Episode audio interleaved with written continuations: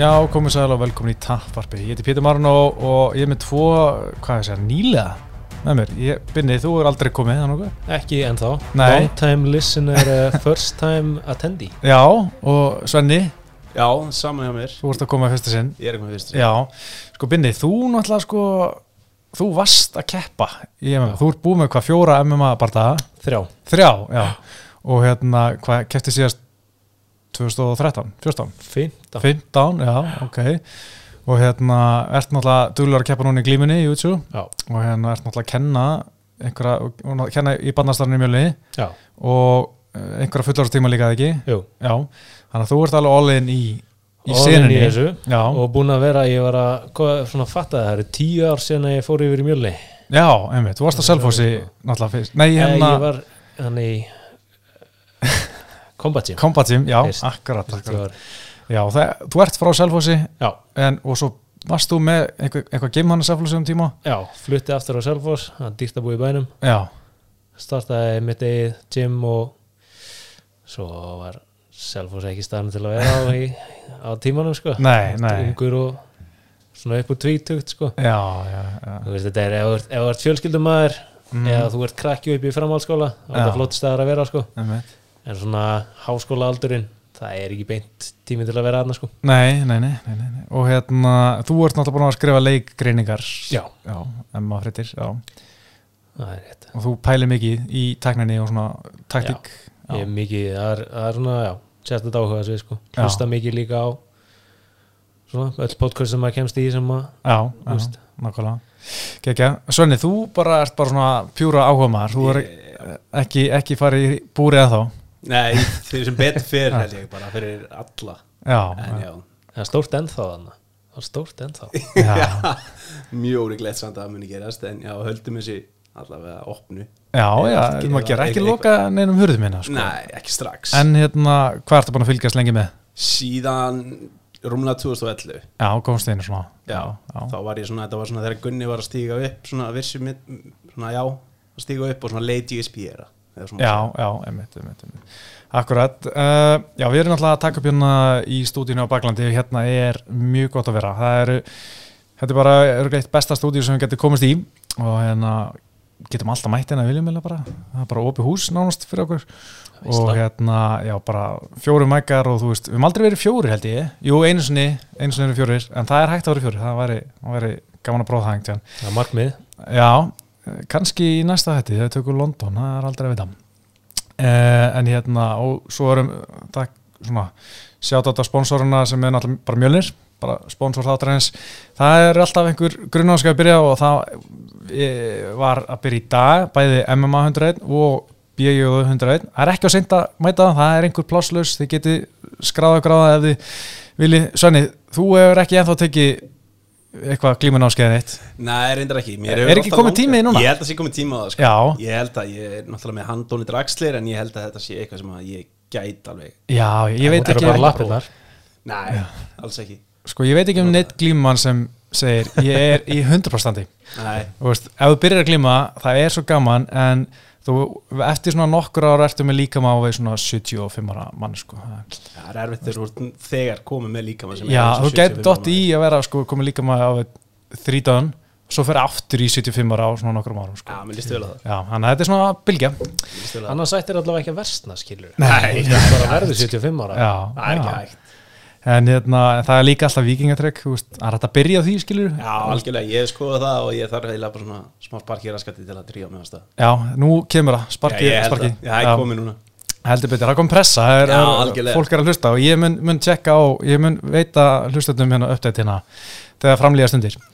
En uh, sko, þetta er þáttur nummer 136 og eins og alltaf þá hef ég alltaf gaman að segja hvað var að gerast á úst, UC 136. Þú ser ekkert að skjá hann, Benni? Nei. Nei, sko nú spyrir, hvað haldið það að vera að gerast oktober 2011 UC 136? Wow. Seinasta það var hérna Jones Rampage var það ekki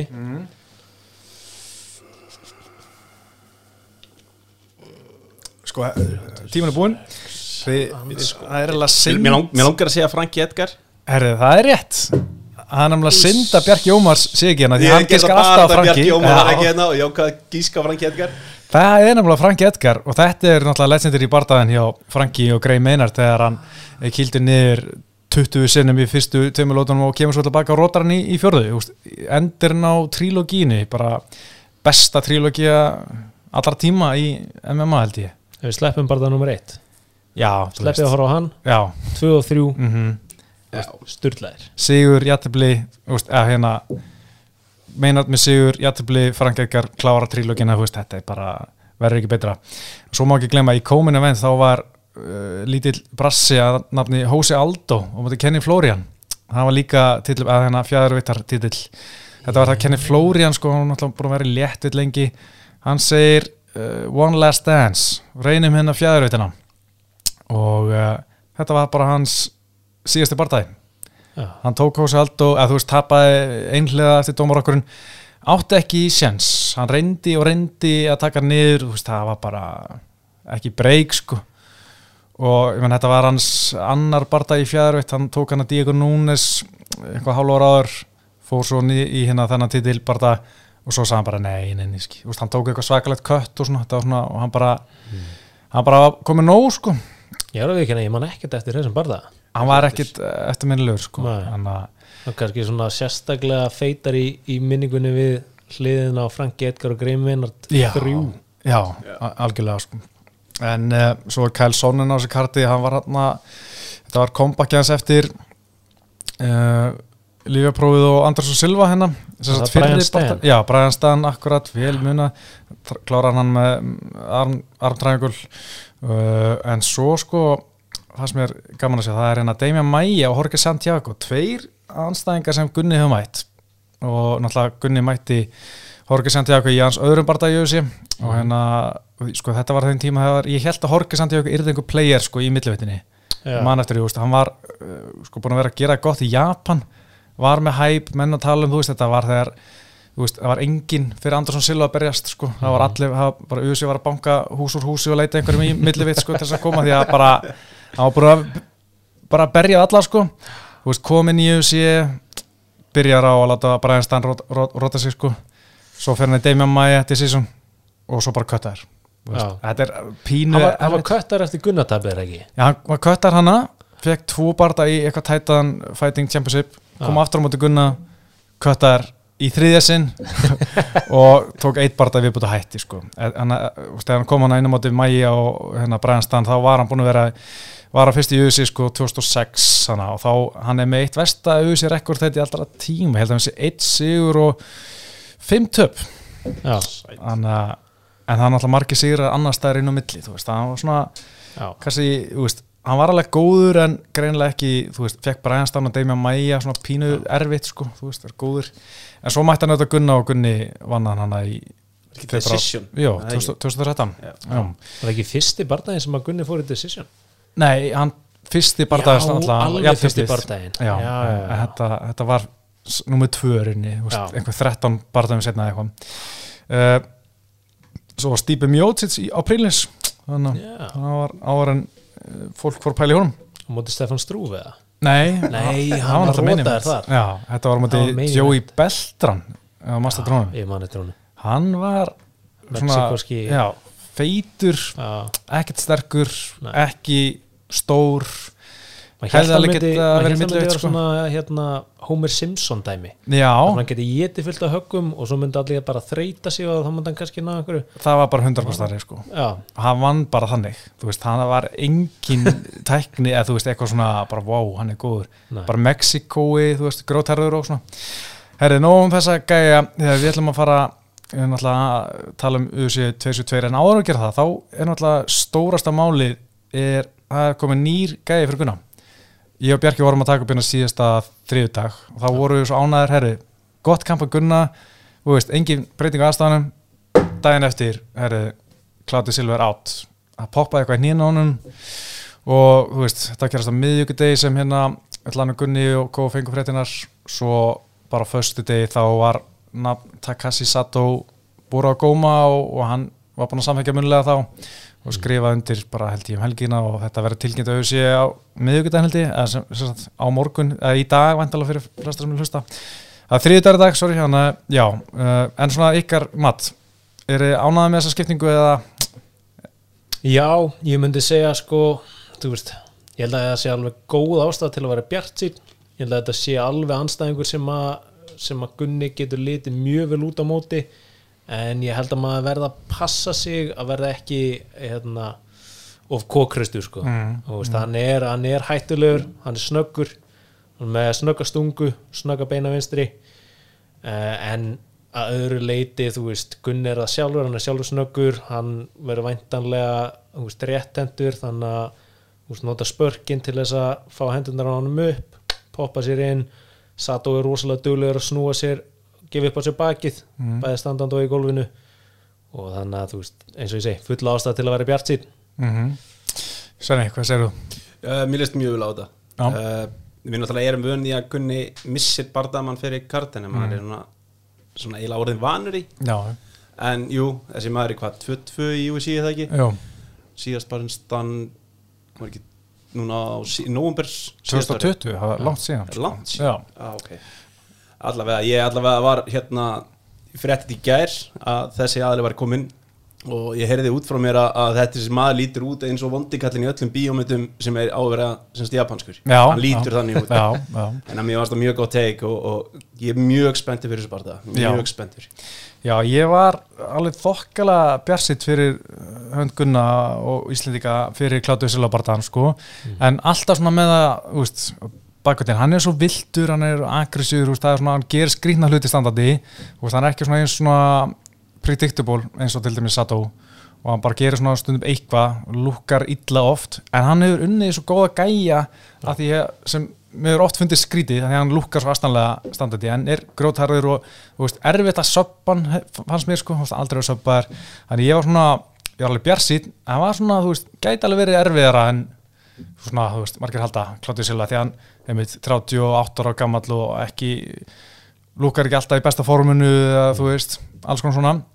En með Sato, þú veist mér finnst hann, sko, Sato líklegur til að vinna Gunnar með Rótiki, en mér finnst Gunni líka líklegri til að söppa hann heldur en Klátið Silva.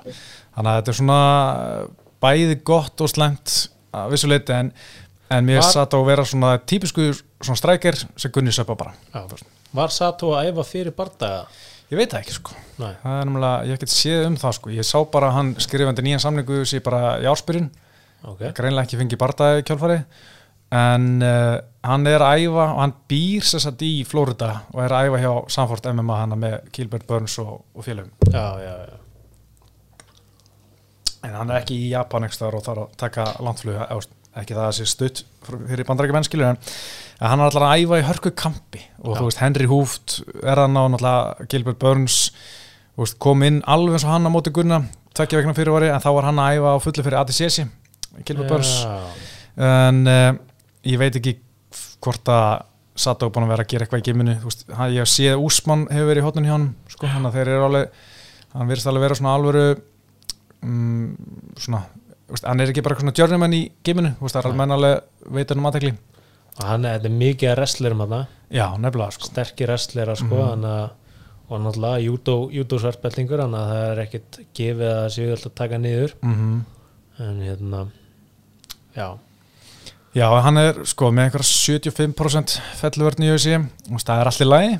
Já. en, hérna, en svo sá maður barndaginn við Belal Muhammed hann var svolítið að taka niður þægilega, en hann er líka Belal Muhammed top 5 í dag, þú veist það styrklega listanum, þó að man, hann virka oft ekki eitthvað eitthvað geggjær, en hann er, hann er að vinna á góða gæja, en hérna og svo þú veist, öll þrjú töpur hans eða öll síðustu þrjú töpur hans þar af öll töpur hans í UFC, submission. Hann að maður svona, það er, maður sér góða leið til sigurs Já. fyrir Gunnar. Og ég bara er þokkalega björnsinn en hann er með eitra vinst, beinavinstri, hann er örfundur líka eins og Klátið Silva, hann er ekki svona alveg gott að hann sé líka örfundur eins og Klátið Silva, hann er svona ekki það mikill munur í undirbúringum þannig sé.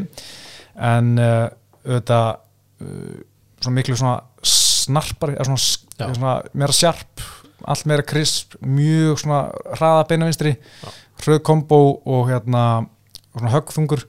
Og líka Léttur á svona fæti.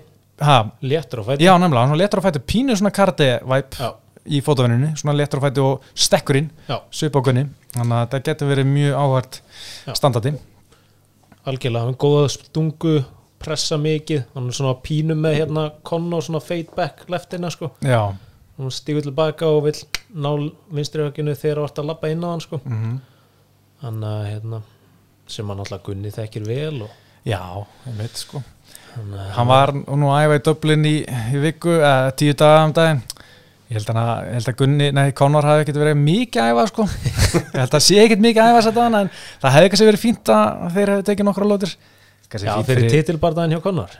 Já, það mátti vel vera, já, já. Jésús það verður nú eitthvað sko en, en, en sko ég veit ekki hvað hérna hvað gerist með Conor en, en, en hérna ég held að það væri bara fínt ef hann og Gunni myndi fara að taka lótur saman og Gunni væri bara söppan bara eins, bara eins og í, í gamla dag og svona eins að put him in his place sko. Já, Ég er ekki líka búin að vera að æfa konur með freka miklum fyrirgeðu lagarstafsmennum Já. fyrir þess að bartaði sérstaklega mútið Dustin og, og það hefur svolítið komað að daginn sko. Þetta er ekki well established bardaðmenn í hennum stóra bardaheimi þetta eru frekar bara svona ungir gæjar sem hann er bara að berja sko. Allan að svona segir sagan úr, úr kampinu sko hann pikkaðir tjamfélagar já, einmitt. Dylan Danis og, og frendir já, hvað er að frétta með Dylan Daniels það það er eitt sorglegasta Twitter dæmi sem ég sé þegar hann er að tweeta og rífa kjáft hann er ekki búin að berjast. Hvernig barðast hann? 2017? Ég held að Einn- einn 2018 bardaga ekki? Hann á tvo Hann já, á með tvo? bartaði endalust að tuða og rífa kjaft og sko, já, hefðari 2018-2019, bæði submission í fyrsta lóti en einmitt, tveir gæðar sem eru ekki þekktir fyrir að vera meistarar í Bell- Bellator. En just, ég veit ekki hvort að hann sé eitthvað æfa með Conor þessa dagana veist eða hvað, hvað hann er að gera því að gerist ekkert í honum og hann er ekkert að berjast og engi veit neitt nema Dyraverðir Já, einmitt, dyr að vera að pakka hann saman hann og þú veist, og svo var hann einhver, einhver bífi við Ariel Helvani á Twitter og, og það kom bara mjög illa út fyrir hann sko. og svo var hann alltaf að gefa eitthvað svona ei, allir sem uh, hvað, þeir sem læka og hérna, followa geta unnið þúsund dollara. Alltaf með þessi tweet sko, Já. það er ekki þetta, þetta er desperate sko, fyrir aðtegli sko. Herri já, ég ætlaði nú ekki að miklum tíma hérna Sato, en sko annað með hérna, með hérna nei, segi Dylan Danis, annað með Sato uh, minnst það var með gott groundaband því ég sé Já. eins og mátti Ben Saunders hann náttúrulega kýldi hann niður svo var hann bara olbúan mjög fast. Og veist, ég, hann er aggressív sko, ég held að hann, ef hann, ef hann tekur gunna niður, þú bara, með mikið vann með þetta wrestlingi hans, Nei. hann náttúrulega æfa mjög góðan stað og, og er náttúrulega með þessu köst sem á heldur ekki vann með þetta Já. og hérna, Kilby Burns kastaði gunna, veist, hann bara er alveg það er átir uh, hérna, að þá er hann ekkert að fara að vera eitthvað svona passa sig, hann er að fara að negla sko. Og hérna hann þekkir alveg að með mjög góðum glímunum hann ég held að hann sé ekki trættu við að endilega glíma við Gunna en hann vil kannski ekki enda undir í mánt eftir tvær myndur sko. Nei, og hann tók líka Belal niður já, hann kastaði Belal Muhammed sko, já, sem að er einmitt sjálfu góður wrestler sko. Mhm. þannig að algjörlega má ekki vann með hann og, og hérna og maður getur alveg séð fyrir sér að það er endi svolítið í klinsinu og þar getur hann örgulega verið sterkur og, og svona veist, það sem hann hefur kannski svona þú veist, Gunni er náttúrulega geggjaður outside, geggjað distance management mjög góður að koma sér inn með geggjur takedown og náttúrulega meistar í, í jörðinni mm. En þegar þú ert með þennan þingdaflokk sem er bara fullur af einhverjum wrestlerum getur ekki alltaf gert ráð fyrir að náðum niður og það er svona kannski það sem mann hef helst tótt svona svona, þú veist, mætti að fylla upp í hjá Gunna að, þú veist, bara worka klinsið, mm. nýja, olbúar og breyka það sjálfur frekar heldur en einhvern veginn að býða eftir að anstæðingurinn, þú veist, breyka það fyrir hann sko. já, Meina, Við höfum nú séð líka Gunna kýla menn niður Já. alveg reglulega já. Við sáum það í Brenda Thats og við sáum líka í á móti Alan Joban mhm. Meina, Við vitum alveg að hann er með högg í, í höndunum hjá sér sko. Já. Við vitum að hann getur kýlt menn niður þannig að það er ekkert mál og Sato finnst mér einhvern veginn vera vangaður í hverjum Já. einasta bardaga sem hann er í sko. já, satt alveg gott recovery hann, mér finnst Já. hann verið með gott sinn upp og hann er ekki að uh, floppa á rassin sko eftir hérna vindströku sko heldur hann hérna hann stendur það af sér en hann, þú veist, mér finnst hann verið með Já. það er, er hægt að hitta Ég held líka að Gunni sé bara að fara að vera besti strækirinn sem hann hefur mætt sko. mm. Svona, jú kannski hérna er bæsa striker. hann ykkur, já mm en hérna ég að, þú veist þeir tveir ættu að vera svona með bestu og, og þú veist, Bilal Muhammed fýtt strækir en, en Mm. ég held að Gunni sé betri og, Húbelal var að vangaðan og Ben Sonder náttúrulega getur ekki stræka fyrir skít en hann já, þannig að hérna þú veist, maður sér það miklu fyrir ekki að fyrir sér að Gunni þegar hann er búin að vanga hann að Gunni sé að fara setja pressun á hann, halda hann um þú veist, halda pressun á hann bara og hann gera á móti Jóban Já, þú veist, mm. pressa hann upp í búrið tætir hann í sig. Og ef hann vill taka niður eða klárt í gólfinu að gera hann það og ef hann vill freka bara halda fram að buffa hann að hann er ekki að fallegur á land Jóban þá Já. haldur hann að fara um buffa hann já. Sko, eitt með strækingi á Gunna uh, eins og þetta högg á móti Alan Joban, þetta er svo skrítahögg þetta er svona eins og svipa, hann sko kýlar hann í ennið já, og hann bara byrjar að hrinja niður.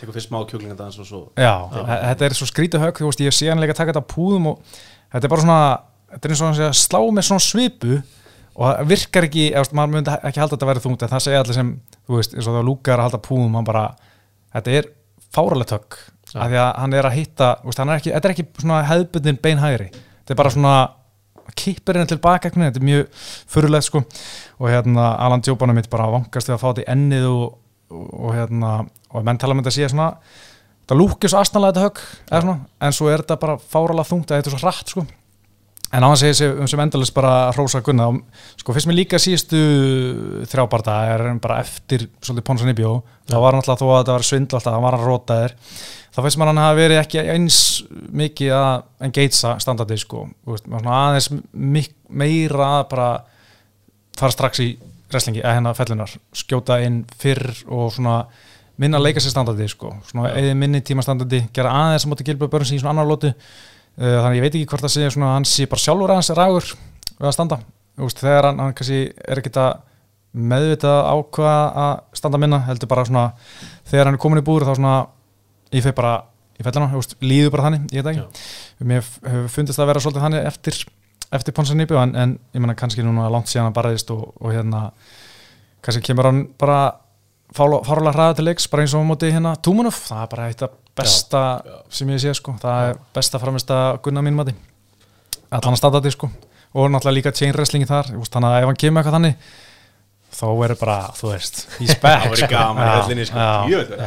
Ertu að fara út? Ég er að fara út. Já, Ég get ekki beðið, við erum að fara nýju strákar saman út. Vá, ok, góð rópur Þetta er mjög góð rópur Já. Það er svona fagna Svona eina gæsala på þrítursverð Já, ok, Átt að vera en það var einhver veira í gangi. Já, Þannig að Við já. gáttum ekki farið út En nei, þetta var eiginlega full komið fyrir það. Já Binni, er þú, þú ert að fara líka? ég er að fara út og Já. einmitt að fagna þrítugs. Já, ok, þetta verður veistla sko. Já. já, já, Já, ég er að fara út og ég fekk bara staðfist í dag að, ég er allan að fara að lýsa hana frá höllinni þannig að það er bara draumur. Já, er það bara ekki? ekki, ég er mjög spenntur.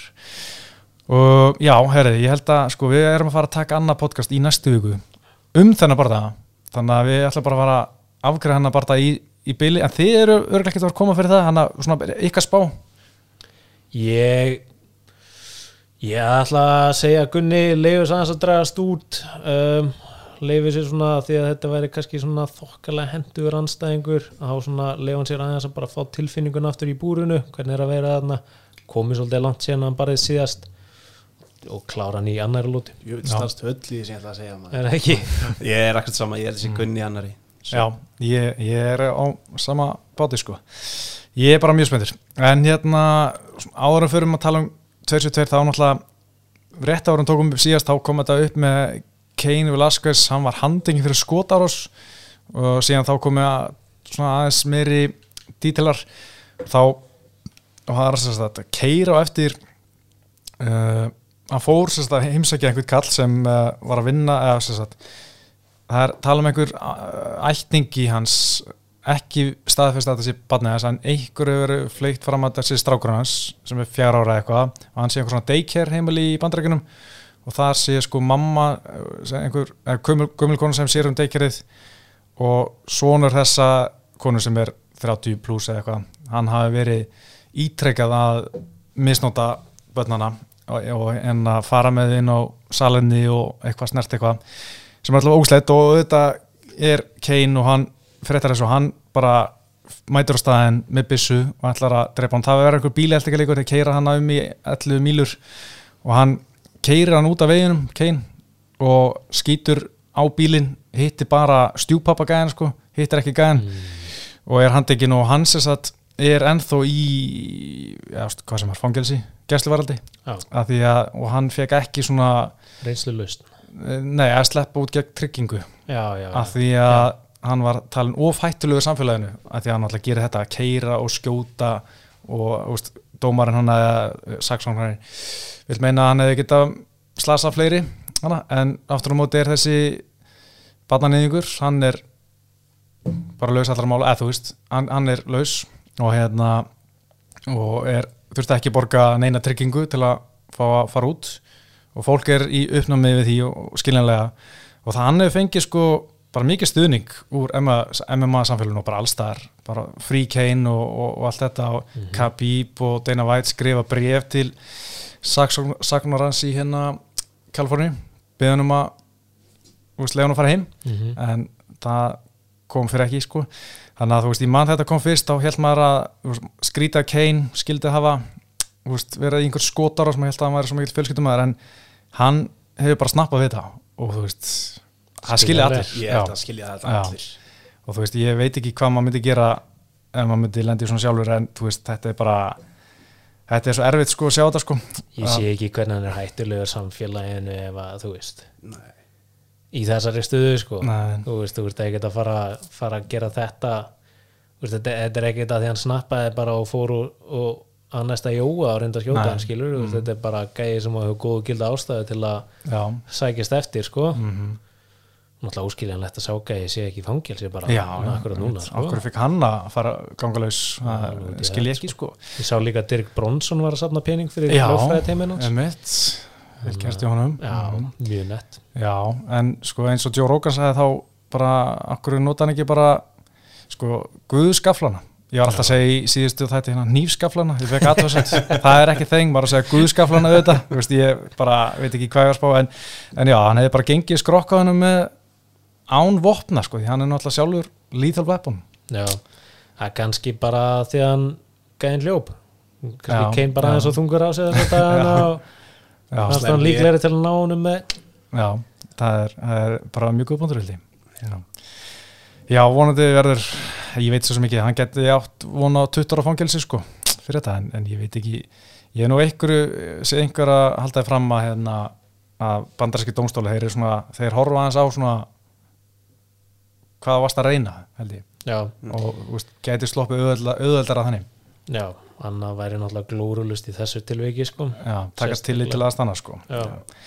UFC 272 fór fram núna Las Vegas og þetta var bara, bara fínt kart, Colby Compton vann Horki Mastadal, hann gerði bara það sem allir heldur myndi gera. Þetta er bara nákvæmlega eins og held ég 90% eða örgulega 100% fólks held að myndi gerast en kannski náttúrulega einhverju bjassinni voru að tippa og reyna kassa inn á Mastadal og veðja en Colby bara miklu betri. Ég er alveg hérstalega samanlega sko. Þetta var svona nákvæmlega eins og maður myndi teikna þetta upp. Þetta var svona nákvæmlega eins og fannst mér eins og fyrst í partaðan hjá hann á móti Úsmann Það var Massidal, á móti Já. Kolby Maður vissi að hann væri bara að fara að grænda hann fyrir búrið allan tíman og hann ætti kannski eitt, tvö högg til að reyna að ná almjölu konnektinu sem hann náði Já, í hvað þriðja, fjórðu lóti, ég man ekki nákvæmlega það var ekki. Fjórðu. Já. fjórðu og hann bara ég bara skil ekki að hverju hann held ekki áfram að reyna að ná hann hann fylgdi ekki eftir Nei, alls ekki. bara, það var mjög svekkandi því að hann hefur bara verið búin að því sko. já, sennilega og mér eiginlega sko, það sem kom mér eiginlega mest á óvart var bara hvað hann gerði, eða sko hvað hvað Kolbi náði honum vel standandi Já, eins og bara áður en hann nær þessu högg í fjórulótu þá var Kolbi bara dominita standandi Já. Já. hann var bara raðinn höggum hann var hann á góðum höggum á hann og, og Jorge bara virtist ekki ekki eiga breykarna sko. Já. Var svona, það var bara mun betri heldur en uh, þetta var kannski aðeins meira einhliða en maður bjósti af því að þú veist, eins og segir var bara betri standandi líka mörguleiti sko, Já. en Horge þú veist, ég sá að hann var eitthvað tuði vera að Herb Dean hefði ekki séð þetta iPók í fyrsta lóti já, en veist, það var svo sem ekkit veist, þá, þá byrjar hann að grænda hann upp í búrið. Já, en ég menna ég er ekki að segja að hann hefði veist, mjög er þetta að segja að ef hann hefði ekki náð þessu grændi fyrst þá hefði Horki verið ferskur rótaðan það er uh, ómúlið að segja það fárlega að segja það en ég menna uh, en aldrei hægt að segja að það sé ekki þannig sko. Nei, þetta er það sem að veist, hann, hann svindlar til að koma að lesta um stað Mm. og þú hugsaður um það svona út frá bara sigurstrategíu þá er þetta akkurat rétti tíminn fyrir hann til að svindla. Já, þetta er bara besti tíminn fyrir hann til að poti auga á honum. Óvart eða ekki að þú veist, ef að dómarinn sér það ekki þá getur hann bara hlaðið á hann hann veit að hann þreytist við það hann þarf ekkert að fara að svindla aftur þannig að hann þarf ekkert að riska það að vera að tapa einhverjum stigum. Þannig að þú veist, þannig er hann bara komið með það sem hann þarf út frá einu litlu svindli. Já. Ekki það. Er bara mjög góð punktur. En uh, hvað fannst ykkur um Masvidal? Vombrið? Já, ég myndi segja það Já, með allt þetta trestfólk sem hann var að taka um og, og hann er, þú veist þessi Peppi stjarnar sem að allir vilja fylgjast með og svo fannst mér að vera já, ég myndi ekki honum einhvern, ég myndi fjórir Já, það er eiginlega þetta eina hug sem er að rífa hann upp úr þristinum að Já. sem hann hefði getað mm. náð en ég, mér fannst þetta ekkit sérstök sérstök performance hjá honum. Nei, ég fannst hann verjast fellunum að mörguleiti ágætlega um tíma. En svo bara oft var gluggi til þess að komast frá búrunu hann var bara, þú veist, ekki að svona nýta það nógu vel til að koma sér burt, hann bara held áfram að lappa svona með frá búrunu, örgulega bara búnaði. Og hérna, en þú veist, náttúrulega Kolbi er með ridiculous uh, ridiculous pace, Já, geggja þól fáir, hann er með besta þólið í veltevitinni, hann og Úsmann eða ég veit ekki. það sé líka bara hans sterkasta vopn Já, hjá ég meina það er hann er bara bókstala með bara bottlösa þindir hann getur verið endalaust að allan tíman Mhm. og já, ég meina það eru fáir, það er bara Eila Úsmann held ég svona í flótu bræði sem að já, maður sér eigi mögulega á hann. Þetta er svona Já. besti gatekeeperinn sem getur fengið í já, að í að þú hugsið út í alla þingdaflokkana það eru ekki margir Nei, kannski vittikar sem mæti já. Já, mhm. en ég, ég sko fyrir minn hlut þá myndi ég segja þú veist þetta var ekkit af því að þetta kom ekki á óvart þá myndi ég ekki segja svona þú veist að maður sé eitthvað svektu með hann en eitt svoleiðist þú veist þetta er bara svona svolítið sem maður bjóst við Mhm. hann var aldrei að fara að vinna þennan fæt þú veist þetta er svolítið skrítið að taka þennan fæt Mhm. þegar hann er búin að segja hann hefur engan áhuga á að berjast við gæja sem eru bara að fara að faðma á hann pungin sko Já. Þú veist að hann augljóslega hefur engan áhuga á þessum fætum og ef við hugsaum líka bara tilbaka bara svona þrjú, fjör ár þarna áður en hann fór í þetta retreat þarna það Mhm. sem hann komst að því að hann þurfti bara að fara að róta fólk skilur þú veist, þá er þetta bara klassískur Jorge að bara Já. ekki gera nóg Já, þú veist, já. hversu oft hefur hann gert það hann, bara, þú veist, hann, er, hann er með góða vörð Mhm. hann hefur alltaf verið með góða vörð hann hefur verið með góða vörð standandi hann er með góða felluvörð, hann er með Mhm. góða vörð í gólinu en svo bara, þú veist heldur hann einhvern veginn að það sé nóg og, og það er það ekki, sko. Já, nokkulega. Ég man Dan Lambert hérna á Amerika Tottim eigandi lýsið svona, sagði að oft var Horki bara að prófa hversu góða strækingvörð hann getur verið með eins og Floyd Mayweather. Mm. svona ómeðvita, hann var bara svona getur ekki snerfmið, getur ekki snerfmið ég er bara við all, en hann var ekki að gera hann sjálfur og tapaði þetta decision og var alltaf að. Þannig Sér var Bobby Green. Já þetta er, en þú veist, hann alltaf með rosa kjaft, þú veist, eins og alltaf. Bara hann alltaf sko break his face, hann gerði það svo sannarlega ekki um helgina. Kolby leit bara vel út á blamanafötunum í andlutinu já, og þú veist, svo um leið og bara þann búin þá byrjar hann strax eitthvað með að stæla þú veist, þú hefur ekkert efni á þessu þú veist, þú hafði 25 minnir til að gera eitthvað gerðar ekki, þú veist, bara þetta er bara eins og þegar Paul Daly var reikin úr UFC-inu, skilur Mm. þú veist, búin að láta resla sig hérna í kortir og svo fer hann og snýr sig við og kýli gæðan aftan frá, skilur þú veist, hvað er þetta að gera, þú veist þú er búin að tala einmitt allt þetta tresjum að þú ætlar að gera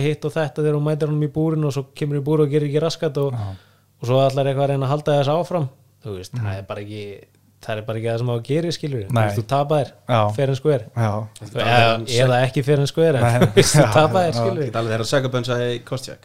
Já, já, já, ég nú er Kolby náttúrulega, hann er svolítið eins og John Fitz, þú veist, John Fitz þegar GSP Já. á mestari, hann, John Fitz var aldrei að fá annan sens Nei. á, á hérna mestaranum GSP Kolby, þú veist, hann á aðeins meiri sens af því hann er uh, að trastóka og þú veist, síðasti barða vann og þú veist, og fyrsti barða náttúrulega var ógæslega jafn. Já. og síðasti barða, já, þú veist, mann fannst alla tímar úr sem að vera betri en ég minna Kolby vann hann að síðustu tvælótunar eða eitthvað svo leis já, þú veist, að hann á alveg meiri sens en þú veist, það er ekkert eitthvað rosalega eftirspiln eftir að sjá þriðja barðan þeirra, að ég veit ekki hvað hann allar að gera en svo veit ég ekki af hverju er Kolby að pota í Dustin Poirier, þú veist, jú, örgulega fyrir pay-per-view, en þú veist, það er gæði létt við, þú veist, það bara, minnst það bara lúk eins og hann sé bara ráðast á minni máttar, sko. Já. Er Það veit allir hvernig það fyrir, held ég. Já, 100% En ég held að þetta sé náttúrulega þú veist, bæði, þú veist, það er svolítið verið talað um það líka Colby er svolítið undersized welterweight sko. sko. þú veist og ég held að hann sé svolítið bara biding his time þangað til að Úsmann fer. Já, Úsmann er stór og Úsmann er mómitni og, og hann er Mm. kannski svolítið komin upp í aldri líka og veist þannig að ég held að Colby bara leita money fights þangað til og, og gerir bara þú veist það sem er sniðugt og finna sér easily winnable fights þú veist. Maður er með Dustin Poirier og, og eins og þú segir þú veist nafn og pay-per-view money og, og sem að þú veist þú ekki að segja þú veist maður hefur bara sínt sig að Colby er ekki. Nei, bara eins mikið um maður held að þetta trastfólk myndi selja þá Já. gerir það bara ekki og nei. þá þarf hann bara að finna einhvern danspartner sem maður gera það Já, ég meina Dustin er rísastort nafn eftir konabardana þetta og það þetta er kannski bara þokkalega góð taktik hjá hann að reyna að fá bara stærsta mögulega barndan sem hann gætt fengið. Horgi verð klárlega það eftir Úsmann að hann er það klárlega svona peipirulega sig en Já. hérna ekki uh, en svo núna, þú veist Dustin væri líka stórt fyrir hann. En svo sá ég náttúrulega hann fekk ekki hluta af peipirun, hann fekk ekki peipirubunus Kolbi, til hvers er hann þá með þetta trastök? Hann er ekki eins og fá engan af- peipirunu það meikar engar sens sem byrja Jorge fekk Jorge fekk Já. prósentu en ekki Colby. Ekki Colby. Nei. hann var líka að segja þarna tíman í hérna presskonferensinni Mhm. að hann væri ekki með það og hann ætti svo að reyna að selja barðaðan fyrir það og, en þetta meikar engan það var sens bara svona company man. Já, þú veist, hann var ekki afsakað það eftir að ég vildi sko berja frítt, mér langar svo mikið að bara ég hefði gert það frítt, sko, þannig að peipurum hann sem skipt ekki máli, skipt ekki máli, en þú veist, hann er bara með eitthvað umulan umbúsmann sem, þú veist, annarkvort er hann með lélun umbúsmann sem er ekki að vinna vinnun sína, eða þá auðvitað bara sínt hann tölur á papír, Já. heyrðu, það eru öll drullu saman um þig, þú átti ekki peipurumbúnus, þú veist, ég held að mér stæla líklegra, sko. ég held að það sé staðan sko. ég held bara að þeir geti bara sínt honum með mitt bara að það hefur engin áhuga á þér. Reynd að fara eitthvað annað Þú veist, og ég held bara að hann átti þessi á því að hann er ekki, hann er ekki að fara að selja neins þar annars. Kannski að hann færi WWE eða eitthvað. Já, ég held að hann er ekki svo það góður í kjáttunum, sko, hann myndi ekkert er vera eitthvað. Hann er bara svona krins mann bara fær Já. bara svona kjánar og hlusta á mannin þegar hann reyna að trestolka við eitthvað Já, en meina, þú, ert, þú ert leikari? Ég er leikari, Já, þú veist, hann er sko, maður sér það þegar hann er að reyna að delivera eitthvað línur eins og hérna við Joe Rogan núna, kallaðu Dustin Poirier. Hann er að delivera þetta svo illa mann hálf skilur hann ekki, veist, hann er bara ekki nógu góður Já. að delivera línur hann hefur bara kannski æft sig einu sinni í speilunum og veit hvað hann ætlar að segja en svo bara veit hann, ekkert búin að efa sig. Nei. ekki neitt. Og maður er bara, akkur erst ekki bara að tala frá hjartanu og reyna að vera aðeins svona, þú veist sína alltaf smá mýkt í þér en það gengur ekki upp. Nei, hann er alltaf að reyna að halda þessu karakter sko. mér staðar nú alveg svona hann er með ákvæmna línu sem hann heldur sko. en svo er þetta bara svo augljóst að hann er að reyna eins og þú veist, vídeoð á honum á Úsmann eftir barðan bara it's all love and respect just for a pay-per-view eitthvað og Úsmann bara já ég veit. Þú veist að heyra allir, það eru þúsund mynda á hana, akkur er þetta að gera og svo ég held líka að sko, veist, það var í svona eins og tala um í WWE sko, þú törnir híl skilur Já. þegar að verða vondigæðin sem hann alltaf hann gerði þarna bara þegar hann fór mútið Damian Maia held ég. Mhm. þú veist að svo getur þú flippað skilur og Já. orðið good guy Já. og ég held bara svona þú veist það hefði átt að vera tímapunkturinn Mm. þar sem hann bara eitthvað svona hei krakkar ég fann Jésu skilur bara USA in my heart Jesus I love you Já. og bara orðið good guy skilur og og þá einmitt geta bara svona að byrja að tala frá hjartanu og bara Já. eitthvað, já, ég er bara úr ykkur stráku frá einhverju Já, það getur kannski verið eitthvað sko. en hann er náttúrulega svona svolítið örgulega með einhver taktik hann alltaf tala um sko fight for the troops og fight for the law, law enforcement Já, og þú veist, var með hérna derhúna Las Vegas Police Department derhú leiðin inn hérna höllina og svolítið mikið svona potið þennan hóp, þetta er kannski svona veist, bara algjörlega blákalt með því svona hvíti kallar sem kjósa Trump sem er svolítið í þessu, þú veist, fight for the troops. Og ég meina hann er kannski bara að halda sig áfram við að vera með Trump hópin með sér sko. Ég veit ekki, getur verið eitthvað. Það getur líka verið sko að þú veist þetta svona, þetta er náttúrulega þú veist líka stereotypan af UFC áhorfenda. Já, þú veist sem að ég er ekkert vissum að standist lengur í dag skilur, Nei. nú held ég að þetta sé verið miklu fjölbreyttur hópur en þegar þú hugsa skilur 15 ára aftur í tíman þá voru þetta allt hvíti sköllótti kallar skilur og þú veist svona stereotypan af bæði UFC fighter, kommentator og áhorfenda er Já. hvítur sköllóttu kallmaður skilur og þetta var bara eitthvað svona skinhead dæmi sko og kannski heldur hann bara eitthvað svona já, þú veist, þetta er liðið sem er að borga reikningana mína. Mm. ég þarf að selja þessum gæjum. Já, já. Allt ótið mitt sko. Það er auðvitað eitthvað til því sko. En uh, sko ég er náttúrulega alltaf býðist að bara hann fari í sko Adesanya, veist, ég held að Já, að því Adesanya, ég veist, það er engin svona wrestler í millveit, mér langar bara að sjá hvað gerist. En eins og segir, veist, hann er undersæst í velteit, hann er 180 pund labarum, hann er bara, hann er minni gunni kannski, letari gunni, svipur gunni þannig að ég held að hann sé þú veist, ekki með skrokkin til að fara í millveit en maður langar að sjá stílinas í millveit, sko, já. Og eiginlega bara móti, móti hérna Adesanya, sko. En já, Já. Mér finnst einn bardagi sem að hann mætti klárlega að fá vinnurina og það er Gilbert Burns Burns sem á David Kamsat það er Mhm. bara fullkomið þarna er bara næst, þessi vinnur þennan fær úsmann mhm. Og mér finnst þetta bara að vera fullkomið.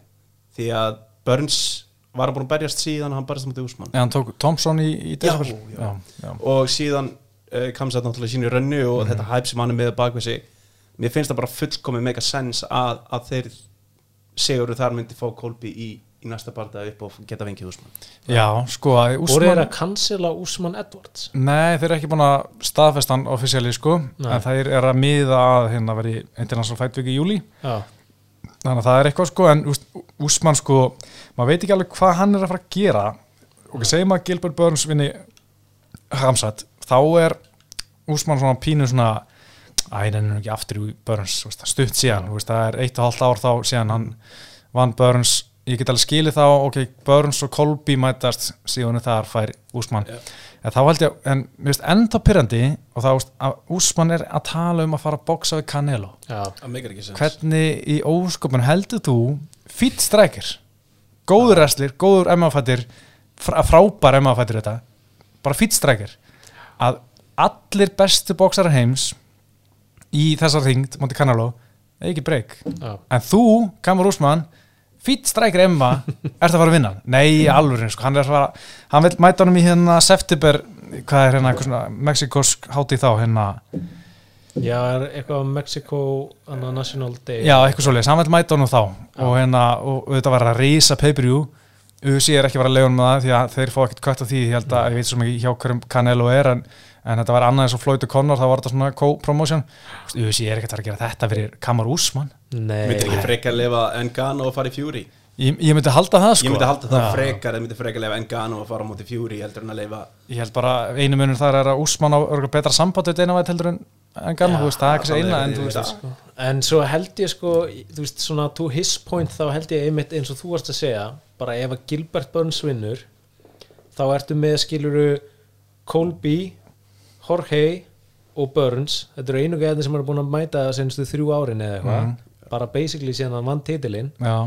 Og á hann að vera að fara aftur á þú veist hver annar er á toppnum ef að Kamsat er ekki á leiðinu þarna upp? Mm Þú veist, þá er bara. Belal Já, Mohamed hann er hann er, í, sko. hann er ekki spennandi. Nei, já, Belal, að og setjum það vilja allir sjá. Líón á móti, Já. á móti Úsmann það vilja allir sjá það. Já, já. en ég held að ég er mjög spenntur að sjá Hamsat ég held í alveg hann geti verið jafnvel sko, ég er ekki að segja favorite en það var held ég jafnasta bettinglæni segjum að Hamsat pakki börn saman eins og búin að gera Mhm. þú veist, kannski ekki söpan í fyrstulóti en þú veist verðið slátrun. Að fá eitthvað tvö högg í andliti þá eða? Já, þú veist, í staðan fyrir eitt eða eitthvað.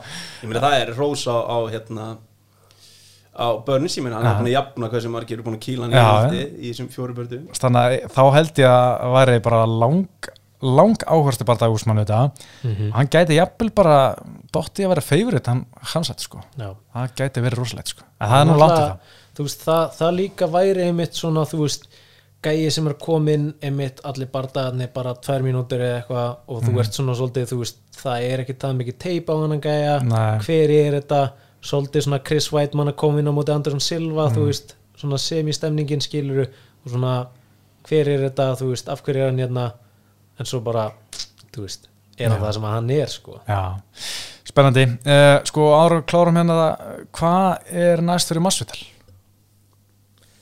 er ekki bara money fights?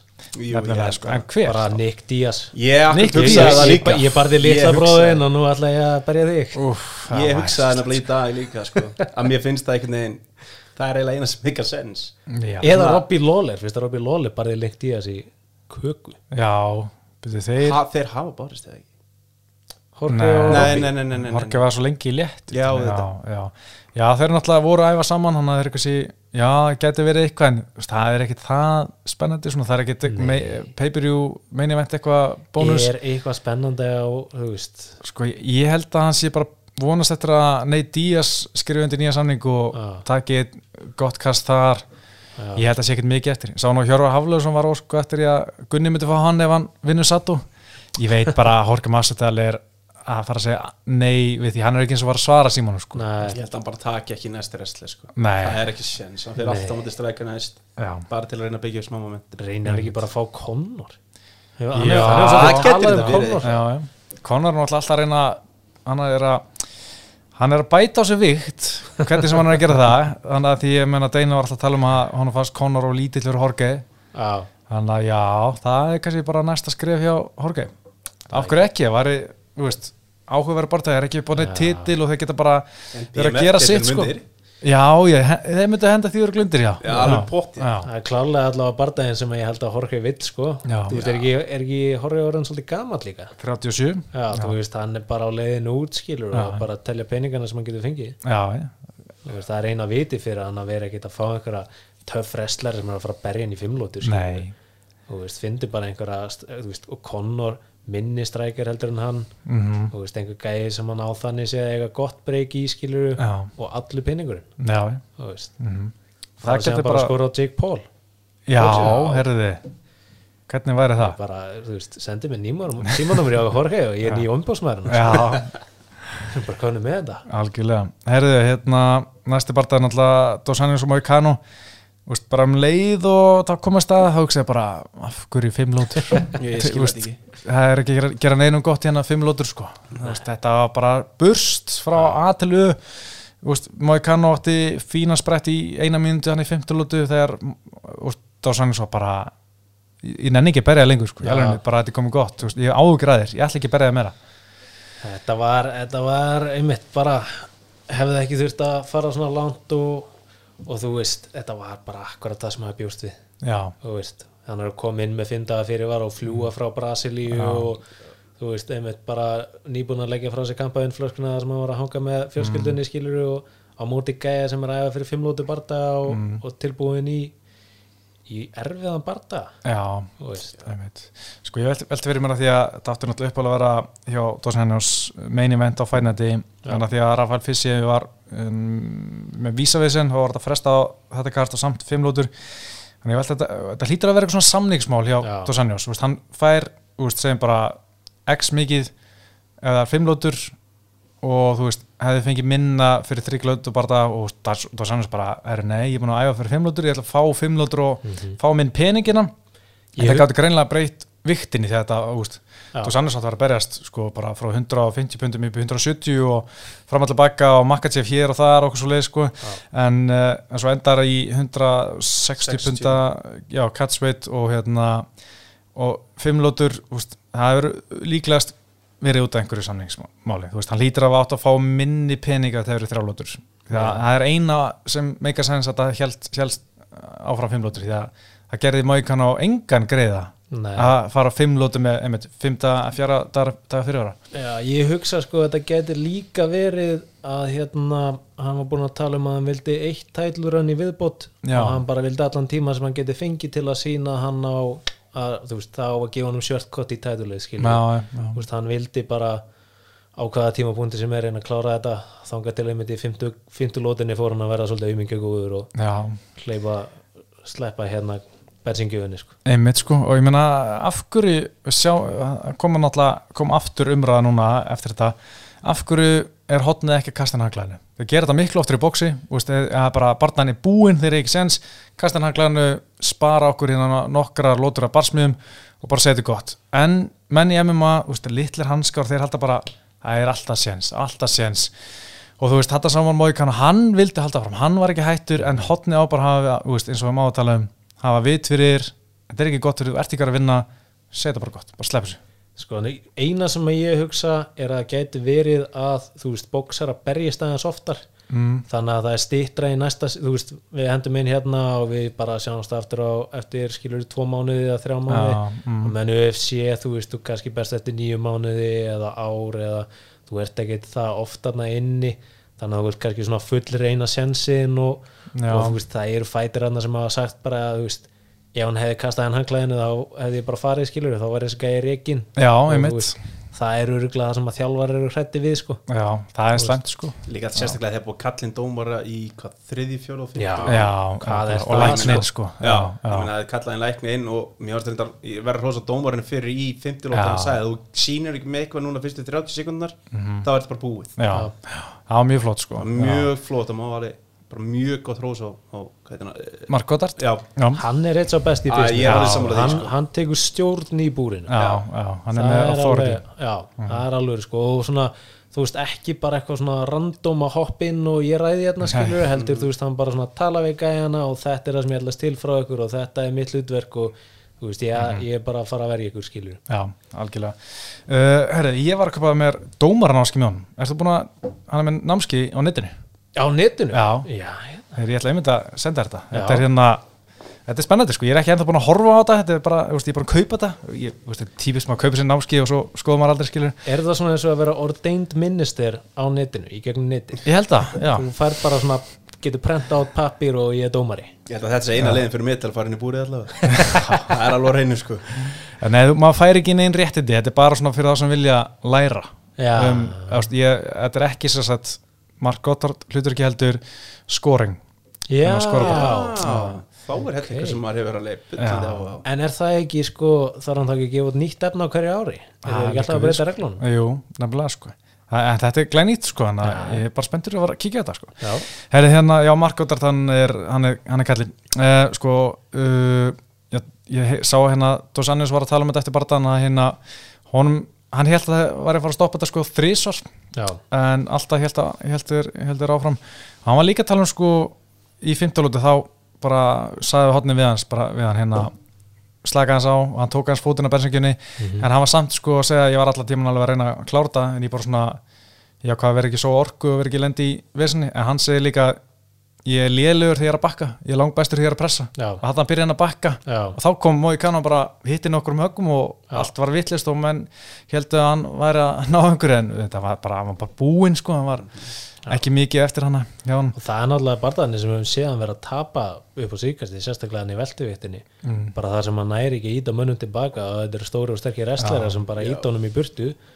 Og hérna, hann kemst ekkert á bensingjöfin og þá hefur hann bara verið eða bara skúra gólum með hann sko. já, erfitt hjá hann sko. en, en hvað haldið hann sé að fara að gera núna í, í léttutinni ég, meina, ég er alltaf býttur að Íslam og þeir mætast en Íslam er auðvitað fastur í Benel Darius mattsipuna því hann vildi ekki þennan barða að sögt deina en Íslam segist hafa vilja þetta vilja barðaðan en hérna sagði ekki Íslam að vildi miljón dollara fyrir að Dos Anjos held í fram að Íslam Já, hafi verið að byggja það en Íslam sagði ég var ekki með neitt svona, ég var bara með smá hérna ég var að byggja um smá hluti og ég veist, hann nefndi ekkert hvað hann vildi sko. Nei. en svo sagði hann að Usi bara hafði ekkert samband. Allt inni sá ég bara má ég kannu komin inn? Þannig að ég veit ekki hvað gekk á en getur vel verið að Ali Abdilís hafi verið að byggja um einhverja ruggl upphæð sko. En, En- hún er líkt. Já, já, já, já, en þú veist að koma inn viku eftir að hafa búin að vera að berja einhvern gæja og af hverju átti ekki að fá þessa miljón skilu Já, þessi já. gæji bara er, er það góður. Og ég held þú veist, ég vil ekkert sjá Íslam vera að taka, taka RDA sko. Nei, ég vil já, sjá ég- bara Íslam fara í titilinn og kannski sjá Dosanjó sem móti. Poirier kannski, Já. ef hann, ef hann vil shortcut í titilinn sko já, þá myndi ég segja að hann ætti að geta þú veist, ef hann getur bara Poirier þá á hann að fá title shotið sko. Mm, já mm ég held að Íslam sko, mér finnst pyrrandi hvað þetta hefur tengið langa tíman hjá honum. Bæðið náttúrulega, þú veist, alls konar COVID og hérna og hann meðist og uh, Dos Anjos meðist er að held í fjóru sem átt að mætast. Þetta er að vera eins og Khabib og Tony Ferguson. Þetta er að vera bara eitthvað fáralett en þú veist, mér finnst hann ekki hægt að gefa hann titilbarta þá sem hann vinna týrið hann er ekki búin að vinna þetta er skiptir ekki, máli þetta er sko. ekki stórnöfn sko nei, þú veist, samt er hann er nummer þrjú þú veist, já, ef hann vinnur Darius og pakkar hún saman sem ég eiginlega bara gerir ráð fyrir en ég þarf bara að sjá það þá bara herri, beint í titilinu og hann er að fara að pakka Charles og Olivera saman sko. ég er ekki samfærið Ég er ekki, Nei. ég er ekki Ok. seldur sko Nei, ég held að sko, minn maður Chucky Olives hann er, hann er hættulegur sko. já, Ég meina, þetta er líka matchup sem að mér langa alltaf rosalega mikið til að sjá á móti já.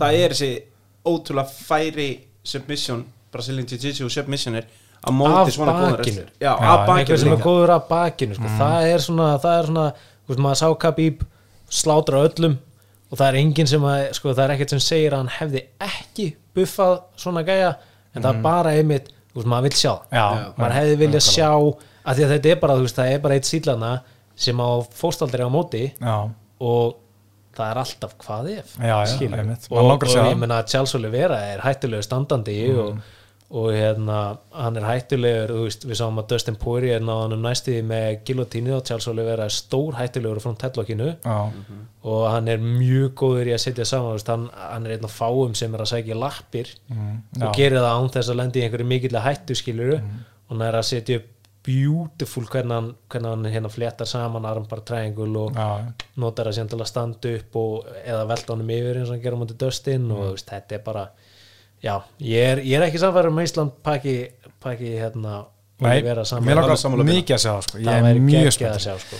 en uh, Gaethje og Olivera var að mætast í, í mæ já, það er, verður einhverstað í Colorado held ég nú Var ekki verið að Var tala um er í? Brasilíu? Jú, það verður ekki í Brasilíu Já, Eh, ok. Þetta pínu svekkandi átt að vera heimaðalli Olivera, já. endar á heimaðalli Justin Gaethje er ekki líka búin að tróðfylla eða karta brössum Herði, já ég bara Er eitthvað mikið komið, er þetta ekki í 7. mæ? Jú, mér minnir allavega að ég voru að tala um einhverja brassa hérna title fights, hvort það var Núnes aftur eða mér, mér minnir að ég sá einhvern, einhvern annan brassa sem átti að fá titilbarta og ég voru svona eitthvað að byrja að stöffa þetta af brössum sko. Já, þetta er í einn Já, Já, það er sjókun er hana, þú veist Trinaldo. Þetta er eiginlega Já, ég er ekki, það mér ekki brasa þannig er. En já, hérna Já, já, vonandi fær bara Dósjanus eitthvað einmitt, Dustin Poirier væri fínt en ég held að Dustin sé komin í svona Horki Massidal pælingar sko, Já. hann vill bara eitthvað money fight sko hver er þá, þú veist, gæin sem á vill taka á leiðinu upp skilur Já, Benildarius Benildarius Michael Og hann er, hann er alltaf Benildarius er Chandler. sjálfur á leiðinu Já. upp sko þú veist, hann er Mhm. þú veist, búin að vera að vinna og, og standa sér vel og svona dark horse gæin Já. sko Justin Gaethje Justin Gaethje, já, ef hann tapar. Já, vann já, það já, já, já, já, sko, náttúrulega Tony Ferguson er svolítið búinn sko. Já, þú veist, Conor hann er nummer nýju sko, þú veist, en svo þarf bara næsta kynsla fara að koma, þú veist, já, Arman Sarukian og hérna Fisiev og, og þessi gæjar sko, þannig að er Perry. bara- ha, Perry. Pimblit Petty, já, Perry, já, Pari, Pari ég er spenntur fyrir að sjá hann í London maður. Skása. Já, heyrðu uh, Bryce Mitchell hann tapp, pakkaði Edson Barbosa. Já, Já. það var auðvöldar en ég held Já. En Djöfull, samt svona það sem að bjóst við. Já, en sko svona- Khabib og Kevin Lee voru svolítið að pakka hann saman svona í gólfinu Mhm. en Ma- Mitchell tók hann í hvert einasta sinn. Hann klára allar fellunar. Já, Barbosa stóð valla upp en veist, Kevin Lee og Khabib þurftu báðir miklu fleiri tilraunir til að ná hann niður. Já, og veist, bara sem Mitchell er minni en þeir hann klára þetta bara þægilega og lendi, í- fekk ekki eitt spark í sig sem að var eitthvað svona wow, eins og móti. Kevin Lee, þú veist. Fekk hann að þetta ekki nokkur góð hérna leggik í sig, var það Jó, hann var Það nokkuð fekk eitt gott bodykick manni Já, en svona eins og Kevin Lee þá var Kevin Lee að taka kjúklingadansinn Já, sko, já, þú veist, það var veist, það var ekki tannig hjá Bryce Mitchell sko, hann að hann líka byrjaði þetta svo stert þarna, hann droppar hann Já, Já, hann þrýr, droppa tveir hann og droppar hann og þá, þú veist, þá var maður bara wow, heyrðu, Já. ok, það er komin bara contender hérna inn. En hérna, já, gaman af honum að að koma og þú veist það hann náttúrulega átti bara, þú veist gæinn sem, að- sem á að vera standandi kongurinn og er síðan bara slegið niður og, og svo er gæinn bara á honum eins og smjör á brauði, sko. Já, veist, þannig að maður bara átti ekki breyk. Og við vitum það skilur veist, við vitum að þetta er típan til þess að vinna Barbosa Já. Mhm. og veist, hann er pressandi wrestlerinn sem eldir hann út um allt búr og hengur á honum.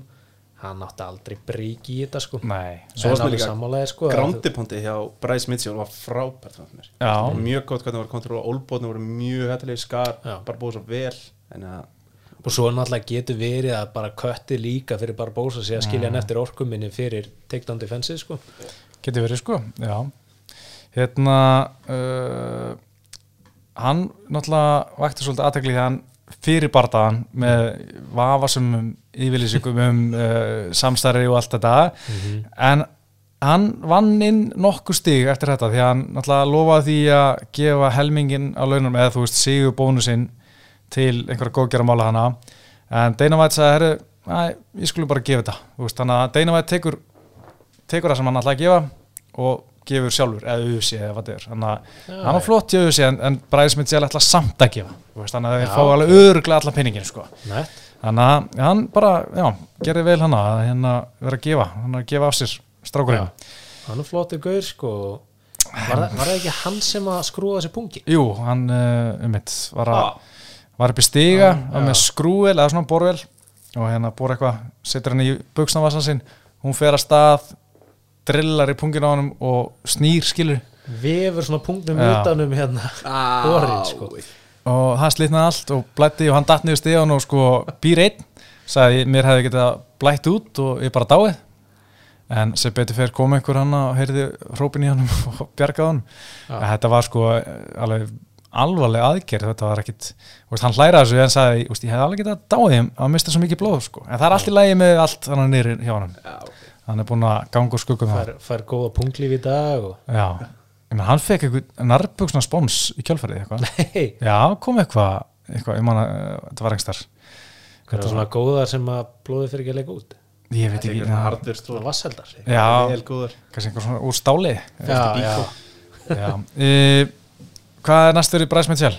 Ég meina, hann er á top 15 ég er að fara þetta í bara má sjá, hann er í na var hann að komast inn á topp 15 eftir þannig Hann sig var í 11 já, hann var í Hann var í 11 11. og er hann ekkert búin að fara upp eftir hann sig hann sko er ekki komin nýr en, en sko, jú, hann var að koma upp í nýjenda, hann var að skipta bara bósa þetta niður í 11. Já. Bræs Mitchell í nýjenda hefur ekki henda bara Bræs Mitchell í hérna Dani G Giga Chikatse, eitthvað svo Ég leys var til að segja, já, þetta er Ríkes. Já, hann er náttúrulega nummið þrjú sko, hann er svolítið hátt. Já, já, Var hann er náttúrulega best lærri? aldrei sko var hann ekki lærri? Ég held ég hef verið að skoða þetta á hann. Já, Hann já. hafði verið lærri. En jú. Giga, Giga var mjög skemmtilegt. Josh Giga. Emmett, eitthvað svo leys sko. Það er fullt af spennandi. En hérna, sko, ég ætla Josh bara Emmett væri alveg Það var test. Já. þetta mjög gott test. Það væri test, Josh Emmett, er hann ekki wrestler? Jó, heldur betur. það væri alveg Það var test. Power wrestler. Powerful gæði sko Herri, næsti barða, sko, ég ætla maður að skipa yfir einn, mér langar að vera beint í Greg Hardy. já, Jésús Hann er svo lélur. Hann er alveg Af hverju er hann svona lélur? Er þetta búið núna hjá hann? Já, Haldið það? já, já. Já, ég, sko, ég hef ekki svona mikla trú á UFC. Ég held að UFC haldi þessu áfram, sko. já. Er þeir ekki bara að gera þetta fyrir fyrir til konun hans eða að láta lemja hann svona svakalega það er það ekki bara bara- máli En ég meina, Góð punktur, sko. Ég held samt að það myndi gera meira bara ekki vera borgunum, ekki vera um hann Mm. ekki, þú veist, e- þessi gæi bara er, þú veist, monster skilur við og af, þú veist hann er monster og hann er frekar lélugur hérna Hann er ógeðslega lélur. Þú veist, af hverju, þú veist, af hverju að tala um hann skilur, gæði bara, þú veist, tölum um Pólabjörnin, Já, hérna Sergi Spivak. Sergei Spivak. Já. þetta var beautiful highlight tósi hérna, Já, kastaði honum yfir gólfið og bara leiði honum ekki upp. Hann var alltaf, Greg Hardy var bara orkulaus og hægur og glataður. Já, hann sko talaði um fyrir barðan hann á þriðdegi. Hann hefði verið 290 pund. já, sko hann gengur um 310 pund. Sko 295 pund er 133 kíló og limit er 121 kíló. Já, þú veist hann að tapa hann 12 kílóum á nokkru dögum af vöka skilur en þetta er ekkert eðlilega stór maður en Spivak sem er ekki hjút í þungahett hann er rétt 110 kíló tók hann niður eins og bara auðvella þannig að ég var- hugsa bara þú veist, er hardi að æfa? Æ- mér fannst svona eins og fyrst hann kom eins og þetta þú veist, hann dedi- dedicated og væri svona ákveðin í að gera þetta. En núna, þú veist, hann fær sína 100.000 dólara whatever fyrir að mæta ég held að hann sé bara hættur sko. ég held Ég að hann sé bara að gera það fyrir penningin ég held að þetta sé, ég held að þetta sé pínu svona Bob Sapp dæmi, þú veist, Mm. hann bara veist, ég held að hausin á veist, hann hefur enga, ég held að hann sé bulli já, hann er bara típan 100% sem alveg. hefur ekki áhuga að láta berja sig og þegar hlutinni gangi upp þá snýðan sér bara við og hættur og sjáum Mm. Já. það þarna, veist, þetta er bara svona prime dæmi um, ég held samt, þú veist, við verum að gefa spívak veist, þessi sko þessi hérna flétta að því að hann, þú veist, fer í hana hann ver, þannig að hann stígur alveg yfir og kastar honum þar. Já. og það er bara hvernig hann nær honum úr jafnvægi er beautiful, þannig að hann má ekki taka það af móti honum sko. pólarbytninum sko en, en hérna en jú, Greg Hardy er umulegur og hann er ekki að fara að gera raskat. Nei, sko, nú er samleikurinn búin í UFC já, þannig að mér, mér finnst skrítið ef hann myndi fá samling en ég trú, hef alveg trú að er punkt gera eitthvað, þú það veist er þeir vil ekki sjá hann í, í BKFC eða Bellator sko. Ég held Þú að hann myndi fara til Japan. Heldur það? Já, ég held, og þú sagði Bob Þú Sapp sagði sagði, bara sapp sko hann á heima þannig bara það er enda góð Já. punktur sko. Stór en ég held sko ég held að Bellator myndi stökkva á hann. Já, ég held að Beru nokkur myndi stökkva ennþá já, hann sko. myndi bjóða honum bara háar fúlgur. Já, já. Sem engi veit af hverju þeir eiga því að það er engi sem horfur á þetta. Þetta er alveg út í hött sko og svo shady shady business sko. Mm, svo sannlega, sem já. að hann myndi sennilega bara smelt pass inn í sem shady Já, gæi heldur betur. Og ég meina, ég skil ekki hvað Rassett Evans er að bendla sig við svona gæja og þjálfa hann. Já, mér finnst það svo skrítið, maður held að hann væri svona topp gæja sko. Hvað er þetta að gera með Hardy sko? lítur ekki vel út. Nei, en eh, rétt í lokin sko allir sem Greg Hardy er búin að vinna í Jósi Mm. enginn að mér í Jósi lengur. Það segi bara nóg sko. Já, Herði, uh, Kevin Holland og Alex Oliveira sko þetta, ég var sko okkar gamli besti Alex Oliveira 11 barna fæðurinn sem er sko með nýju konum sko, hann er, ást, fyrstu fjögur börnum voru með fjórum konum síðan var hann komið sjö börn með sjö konum. Hann er hann að, hann eignast tvíbura já, og svo eitt auka hennar með sömu konunni. Þannig að þetta er svona þetta er ekki eins, hann er aðeins að róast. Hann er búin að fara í aðgerð sko, hann er búin að taka svo sambandi. Já, já. Það er komið tími til. Heldur betur, komið 11 börn. Helviti virkur. En örgulega með þeim yngri til að fara í svona aðgerð 34 ára gammal Já, ég meina, hann, hann er búin að eiga þess að krakka líka svolítið tíma er já, hann var 19 ára pappi sko. Já, hann þú börn 19 ára gammal sko. Já, það er rosalega, bara eitt og sér, það er rosalega já, sko. Svo komin upp í 11 krakka og farin að keira fullur á eitt að Já. þá er er tíminn til að láta klippa sko. já, já, heldur betur sko. Og kannski fyrir löngu. Já, og kannski þarna þegar hann eignaðist tvö börn á sama dagi með Já. tveim konum. Kannski tíminn til að láta þú veist, þú veist ekki hvað sjúkraðs átt að mæta? Nei, ég bara, veit hvernig ákveður það bara, Já. betur nú ég ætla að fara hérna kortir hérna betur herri, það er aðeins að skjótaðast hérna hitt. En sko, hann uh, var eiginlega upp á sitt allar besta Já, þú veist, á út. ég var Leit svolítið svona pínu svektu fyrir hans hönd. Mhm. að hann skildi hérna enda á að tapa. hann nefnilega var mjög góður í fyrsta lút mjög flottur. Svindlaði ekki neitt. Nei, svindla ekki, nei þú veist, hann bótaði ekkert í hugan á hann hann sparkaði ekkert í pungin á hann hann reyndi ekkert álbán aftan í hnakkan greip ekki búrið. Greipa ekki í búrið, reyf ekki stöpukstur hans, þetta var bara clean og flott framistæði hjá honum og maður var bjart síðan eftir þetta sko. Já. og Kevin Holland bara því miður ekki að líta vel út ekki fyrsta lút allan ekki í fyrstu lótinni sko, veist, hann alltaf nær honum að í annar lótu en þú veist, þú horfir bara barðan í heilsinni að þá er Kevin Holland bara svolítið ráðalaus þegar hann er ekki bara, þú veist, þegar gæðin er ekki bara að koma á hann og, og þú veist, Kevin Holland er með 12 cm í faðma á hann. Kevin Holland er náttúrulega með rugglaðan faðm fyrir þessa þing, Já. 81 tomma Já. það, er náttúrulega brjálað Já. sko en hann er ekkert að ná að nýta hann einu viti að því að bara Alex Oliveira hann er að halda sig fyrir utan og svo kemur hann inn og hann far Kevin Holland til að elta sig og stekkur sér inn og nær hann niður. Þannig að þetta er, veist, þetta er bara alveg flott framistæði hjá Alex Oliveira og þetta lítur ekkert sérstaklega vel út fyrir Kevin Holland. Nei. sem er eiginlega ótrúlega þegar að Kevin Holland vinnur. Já, já. Já. og hann, hann á- hefur, hann hefur power skilur já, hann algjörlega En- power og hann er góður skilur Já. maður er ekki að taka það á honum en bara þú veist, kannski þurft hann bara aðeins að finna sig. Hann er ekki búin að eiga gott, gott 2021 sko, eins og nei, senast nei, nei. en hann var náttúrulega að tala um hann gaf sjálfur sér uh, hvað, sex í einhvern held ég, fyrir hann að barta sko. Og hann sagði líka að þú veist hann hérna var svona þú veist var svolítið að sparki kálunans og fann svona að hann er ráðan þungur á sér Mm. í annar lótu og nú hitti hann. Og hann Já. gerði það sko. Þannig að hann náði þú veist hann sagði, veist, hann var náttúrulega ekki heimskur sko, þú veist, hann var svona sett í gangi annar lótu þegar hann sá að hann, hann fann að lappinu voru búnar. Já, hann hérna tala um það í hérna ég man ekki hvað það var. Þetta var svona long term strategy. Já, sem er nú alveg ágætt en, en annar gæði sem var ekki heimsku var Olivera en hann er búin, búin að tapa fjórum í röð. Já, ég vona hann fái fleiri sensa.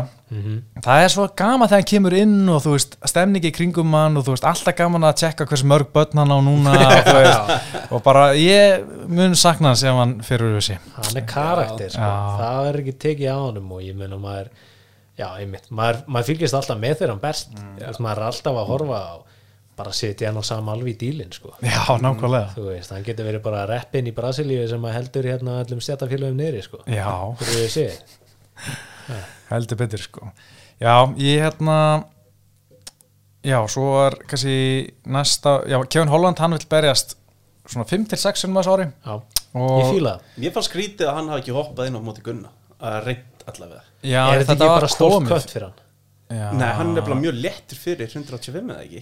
Sko, já, hann allar er bæði í millivitt og veltuvitt núna þessu ári, sko. En að því að hann allar bara, þetta var komið á föstu degi, sko. Hann Já, best á laugi þetta já, já, já. ef þeir hefði ennþá verið að leita þá hefði ég alveg trú að Holland myndi stökku á þetta, sko.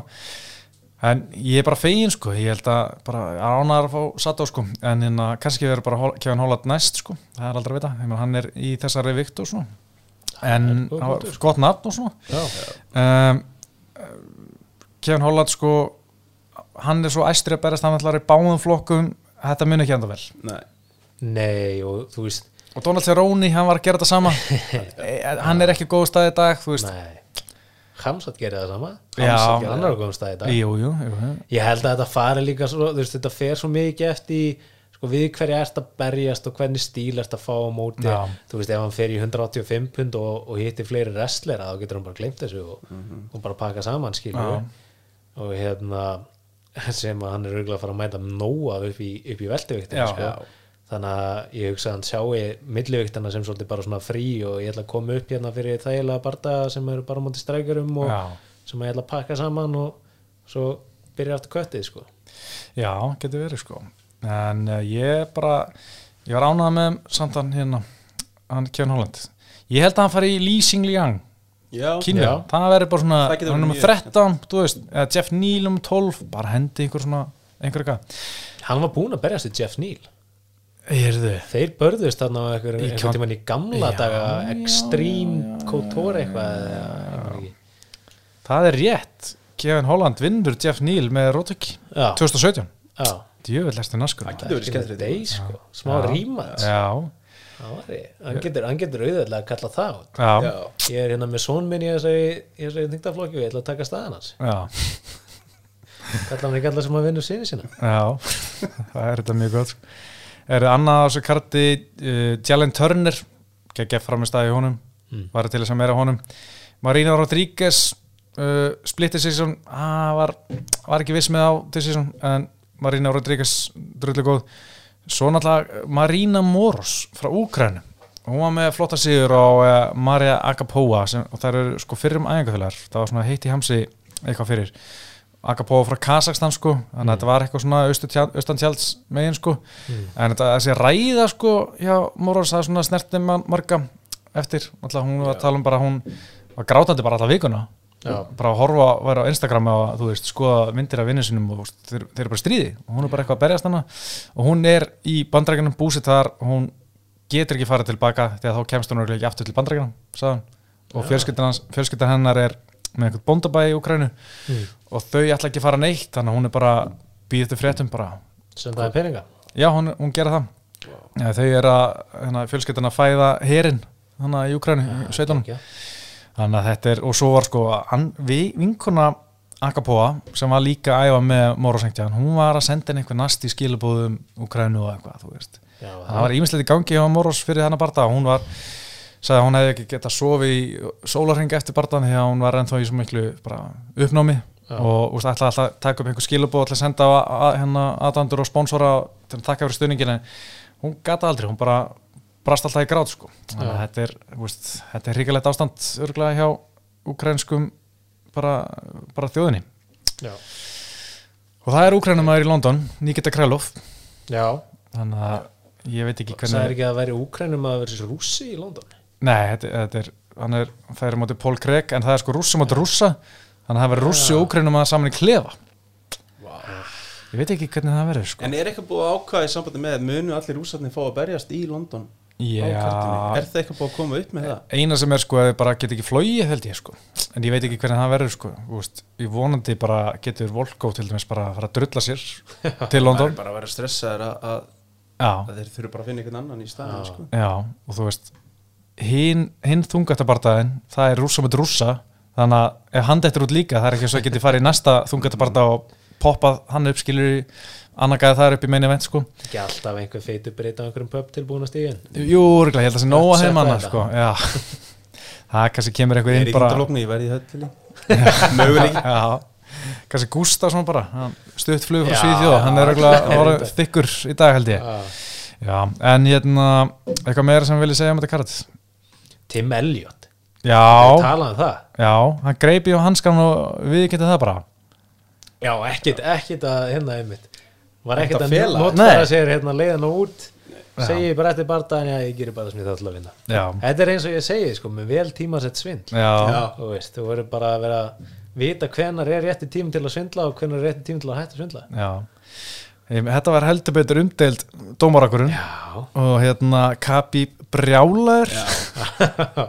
Skiljanlega. Já, skiljanlega en, hérna, en já, ég man svo ekki ég horfði á þennan barða með öðru augunum sko, ég var ekki alveg að fylgjast með sko. Nei, En já, Tim Elliot, það var ekki margir sko, ég held að takir hafi verið eh, svona ágætt, ágættis favorite í veðbókum sko. Ég ætla að betta á hann, en einhvern veginn, ég glindi, þannig að það sé betur fyrir. Svo getum við líka að tala um hérna að Joe Rogan getur ekki sagt Nörmag og Met það var nú helvíti gott. Já, það var sagt þetta nokkur sem hann ætti nú að geta það. Nörmag og Nörmag Já, maður bara að rífa sér tilbaka já, En hvað finnst ykkur með að. Kabi búið tekin inn í heiðursöllinu núna? já, Finnst ykkur þetta ekki svolítið fljótt frá því að hann hætti? ég Jó. sko, þessi heiður söll, sko, ég held að sé öllum saman um þetta nema bandrækjum, sko. Þetta er svo Já. bandrækstæmi, sko, erum eitthvað Hall of Fame, þú veist, það er enginn að spá því svo nema bandrækjum, held ég, sko. Það var eitthvað nýtt Hall of Fame í úrvastildinni hérna í ennsku. Ég held að það sé enginn að spá í hvað, jú, það var eitthvað að spá að því að Giggs, Ryan Giggs var ekki nefndur að því að það var Það var Eitthvað já, dæmi í gangi hjá hann þá, sko.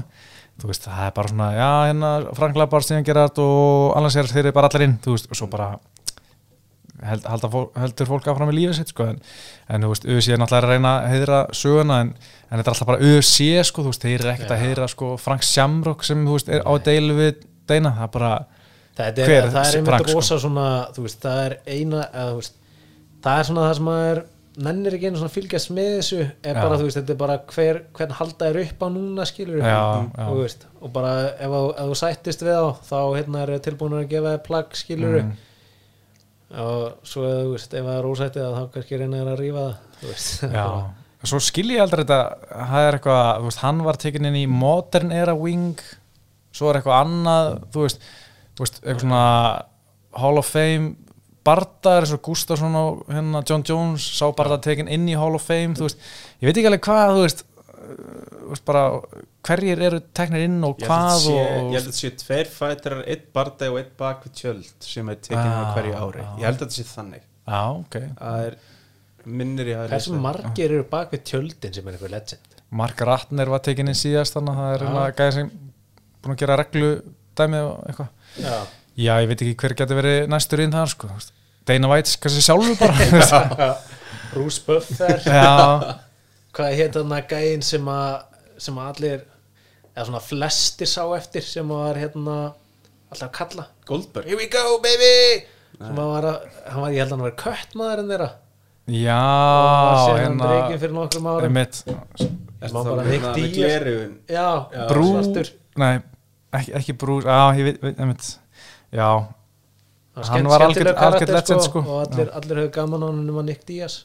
Já, var það þannig já. já, hann sagði hann Er reyndar eftir eftir Vaseline hann bara, já. á móti GSP Nei, ég held bara að hann hafi bara sagt að Þetta væp skiluru Já, hann hérna var ekkit sérstaklega hrifin að ég láta öskra á sig það hann vildi bara vera eitthvað Burt Þetta Watson. Já, alveg Watson.